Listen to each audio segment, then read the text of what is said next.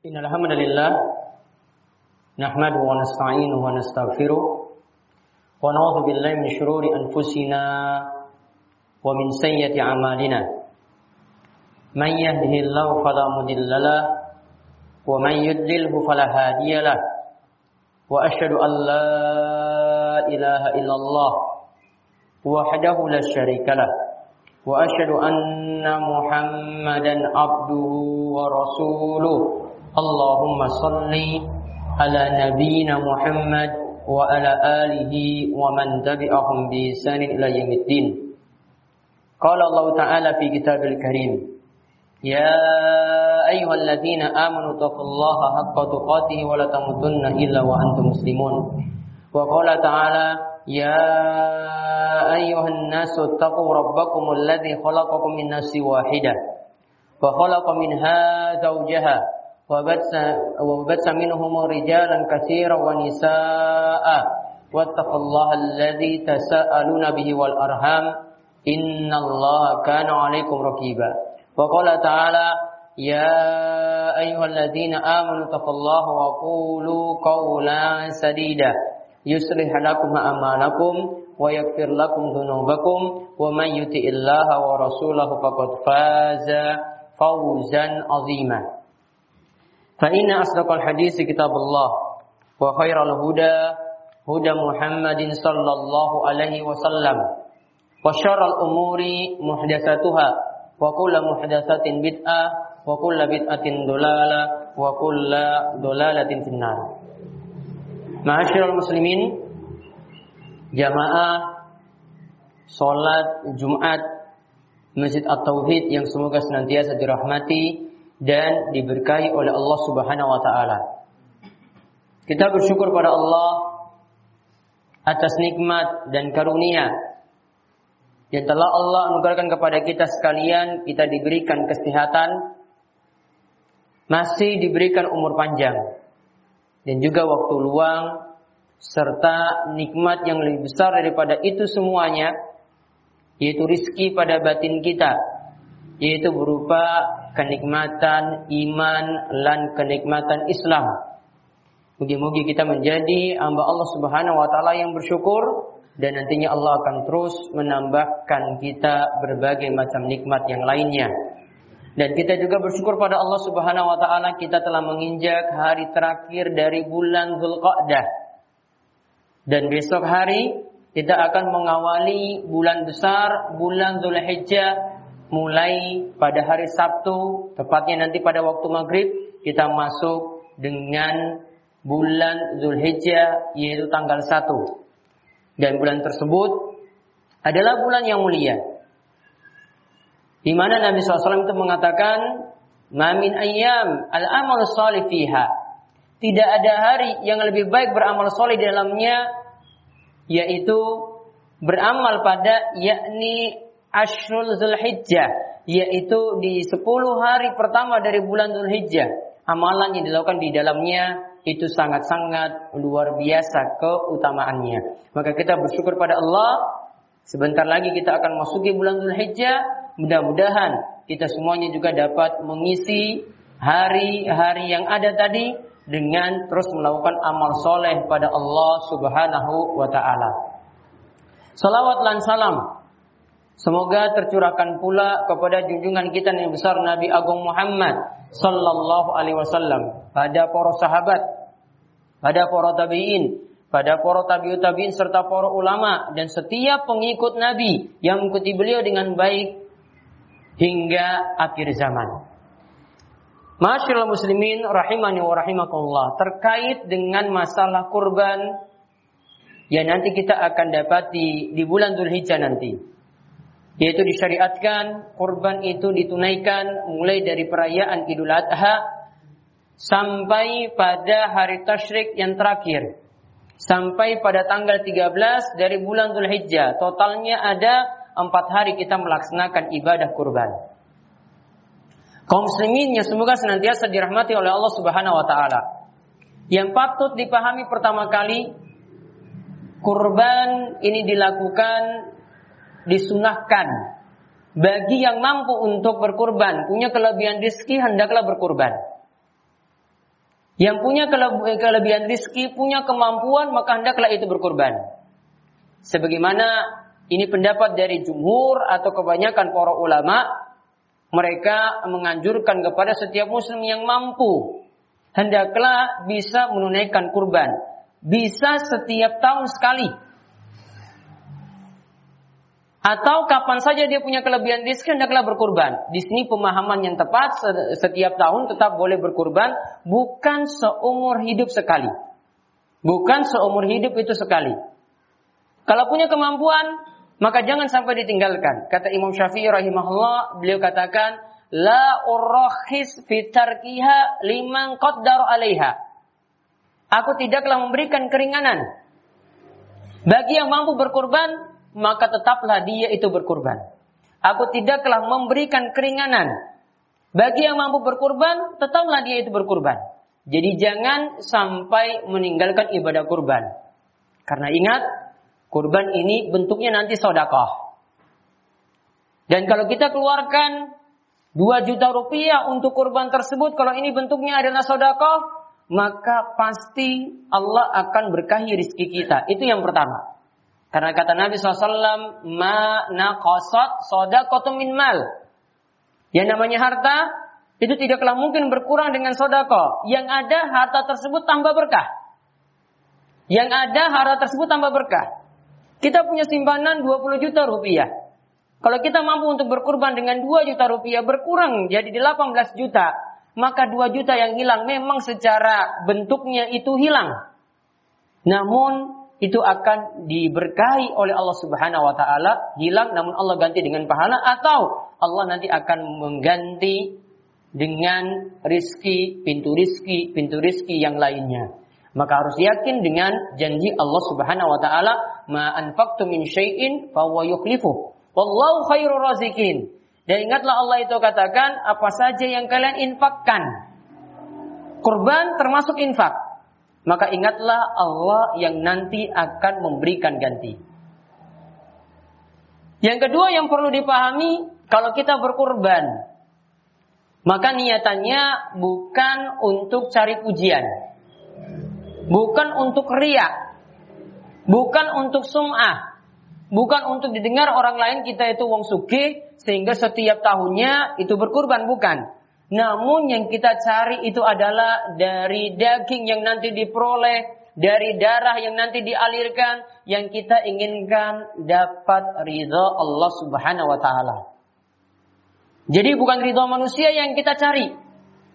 Maka Allah Subhanahu wa taala sebutkan dalam surat Al-Hajj ayat ke-37. La yanalallaha luhumuha wala dima'uha walakin yanaluhu taqwa minkum yang Allah inginkan dari kurban yang kita lakukan itu bukanlah daging yang Allah inginkan.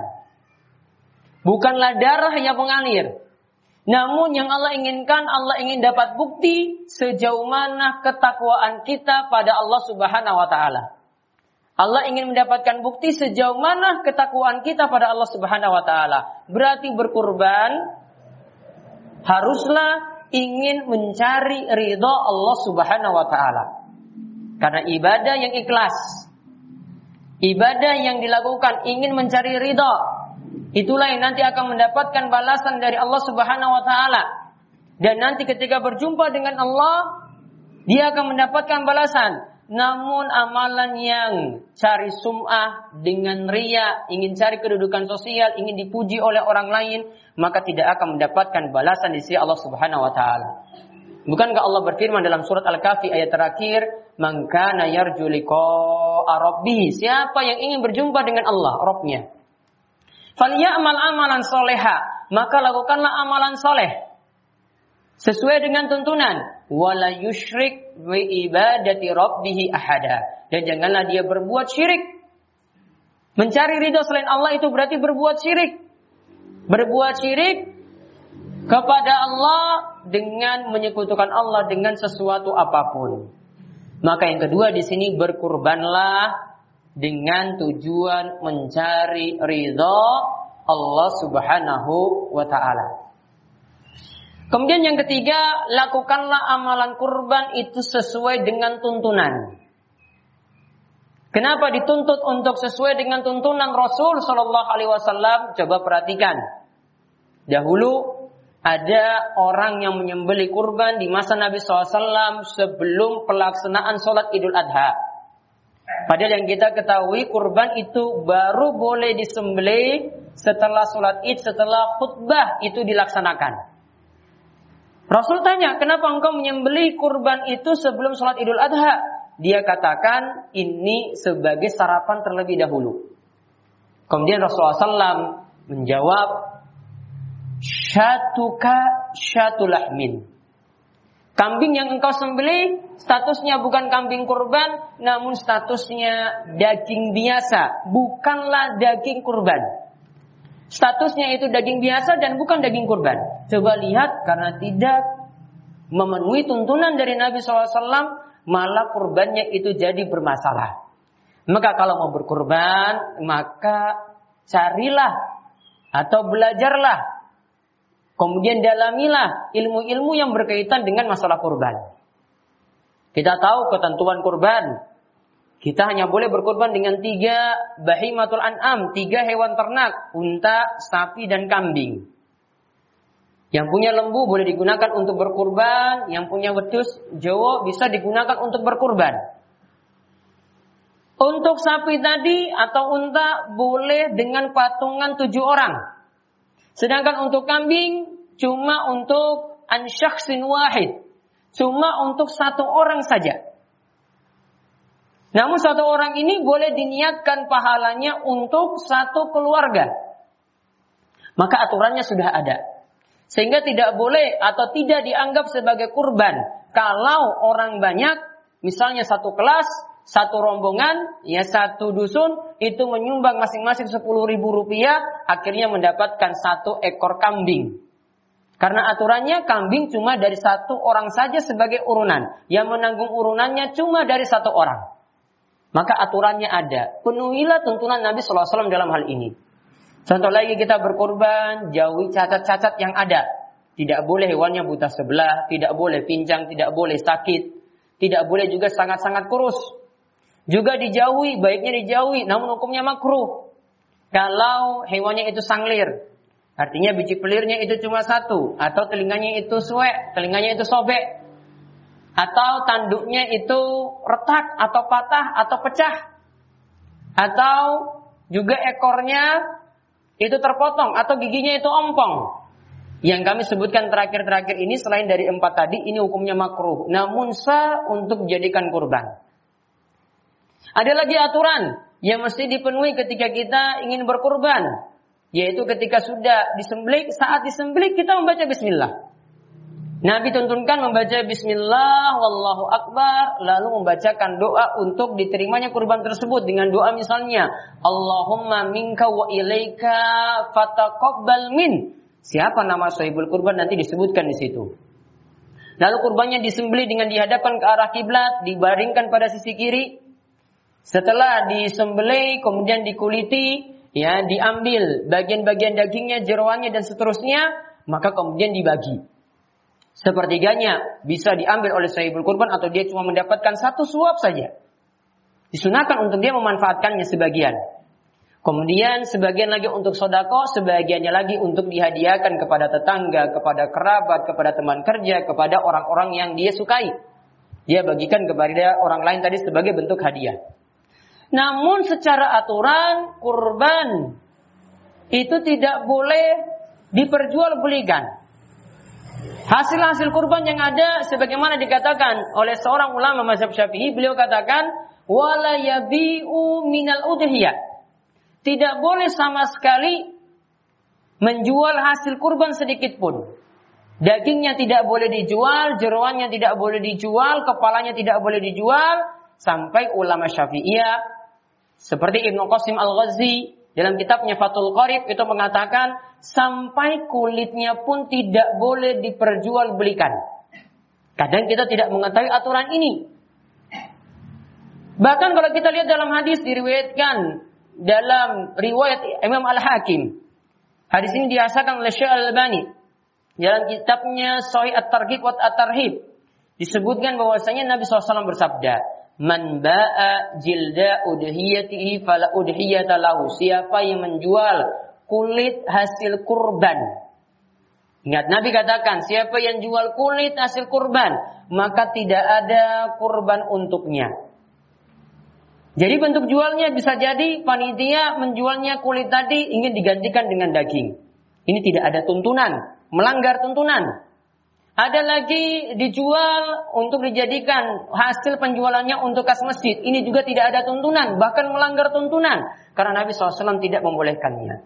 Maka kalau ingin menjalankan kurban, penuhilah aturan-aturan yang ada agar membuat kurban itu diterima di sisi Allah Subhanahu wa taala.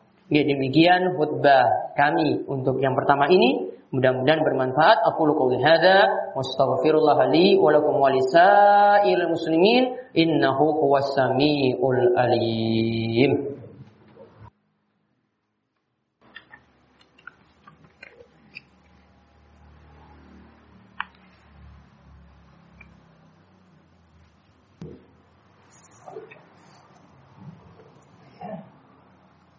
Alhamdulillahirabbil alamin. Hamdan katsiran tayyiban mubarakan fi. Kama yuhibbu rabbuna wa yardah.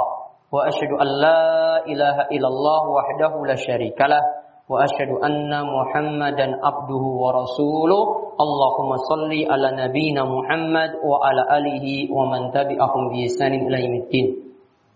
Kaum muslimin yang semoga senantiasa dirahmati dan diberkahi oleh Allah Subhanahu wa taala kita simpulkan dalam khutbah pertama tadi yang mampu untuk berkurban, hendaklah berkurban. Bahkan bisa setiap tahun. Kemudian ingat kurban dilakukan ikhlas untuk mencari ridho Allah Subhanahu wa taala. Kemudian kurban dilakukan hendaklah memenuhi tuntunan karena kita punya panutan, punya suri tauladan dari Nabi kita Muhammad sallallahu alaihi wasallam.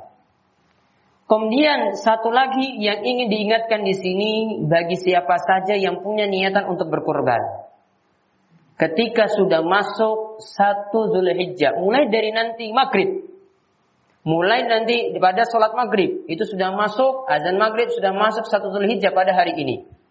Maka sejak itu tidak boleh memotong kuku dan tidak boleh memotong rambutnya.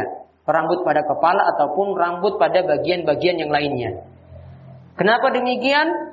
Karena ini larangan yang disebutkan oleh Rasulullah SAW disebutkan dalam hadis Ummu Salamah yaitu dari riwayat Muslim. Rasulullah SAW itu bersabda idza ashru jika telah masuk bulan Zulhijjah wa arada ahadukum dan salah seorang di antara kalian ingin berkurban. Berarti sudah punya niatan berkurban maka kata Nabi SAW fala yamassa min sya'rihi wa basharihi dalam riwayat yang lain dikatakan wa asfarihi maka janganlah dia memotong rambutnya.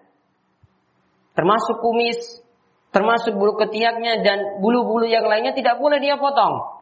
Termasuk juga di sini kulitnya dan juga dalam riwayat lain disebutkan tidak boleh memotong kukunya. Maka kalau ingin memotongnya maka lakukanlah sebelum waktu maghrib nanti sebelum masuk tanggal 1. Setelah tanggal 1 sampai hewan kurbannya disembelih, maka tidak boleh melakukan pemotongan kuku atau ya memotong rambutnya karena ini dilarang oleh Nabi SAW kepada sahibul kurban, bukan pada hewan kurban. Karena di awal hadis sudah disebutkan man aroda wa aroda ahadukum. Salah seorang di antara kalian ingin berkurban. Berarti pembicaraannya pada sahibul kurban, bukan pada hewan kurban. Maka penuhilah aturan ini, ini di antara aturan yang mesti dipenuhi ketika kita menjalankan ibadah kurban. Bagi yang menjalankan ibadah kurban, mudah-mudahan Allah Subhanahu wa taala berkahi rizkinya, sedekah yang dia keluarkan mudah-mudahan bertambah berkah dan Allah memberkahi keluarganya, diganti rizkinya dengan yang lebih baik dan mudah-mudahan mendapatkan pahala yang melimpah di sisi Allah Subhanahu wa taala. Yang belum berkeinginan berkorban dan ingin berkorban, juga mudah-mudahan Allah terus melampangkan rizki dan Allah mengganti rizkinya juga dengan yang lebih baik ketika dia itu nantinya itu berkorban. Kaum muslimin yang semoga senantiasa dirahmati oleh Allah Subhanahu wa taala. Di akhir khutbah ini Marilah kita berselawat kepada Rasul SAW. Siapa yang berselawat kepada Rasul sekali, maka Allah akan membalas selawatnya. Yaitu akan mengampuni dosa-dosanya, akan merahmati dia akan membalasnya sebanyak 10 kali solawat. Inna Allah wa malaikatahu yusalluna ala nabi. Ya ayyuhalladzina amanu sallu alaihi wa sallimu taslima. Allahumma salli ala Muhammad wa ala ali Muhammad kama sallaita ala Ibrahim wa ala ali Ibrahim innaka Hamidum Majid. Allahumma barik ala Muhammad wa ala ali Muhammad kama barakta ala Ibrahim wa ala ali Ibrahim innaka Hamidum Majid. Marilah kita manjatkan doa pada Allah. Mungkin-mungkin di hari Jumat yang penuh berkah ini doa-doa kita diperkenankan oleh Allah Subhanahu wa taala.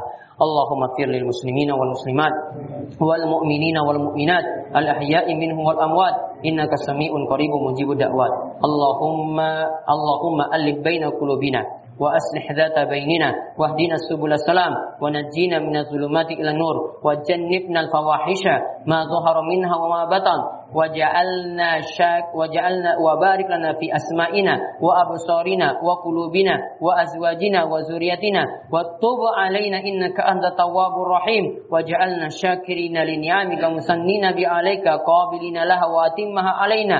ربنا هب لنا من أزواجنا وذريتنا قرة أعين وجعلنا للمتقين إماما. Allahumma aksir malana wa barik lana fi ma a'taitana wa atil hayatana fi ta'ati fi ta'atika waj'alna minasyakirin. Rabbana atina fid dunya hasanah wa fil akhirati hasanah wa qina azabannar. Rabbana atina fid dunya hasanah wa fil akhirati hasanah wa qina azabannar. Wa sallallahu ala nabiyyina muhammad wa ala alihi wa sahbihi ajma'in. Walhamdulillahi rabbil alamin. Aqimus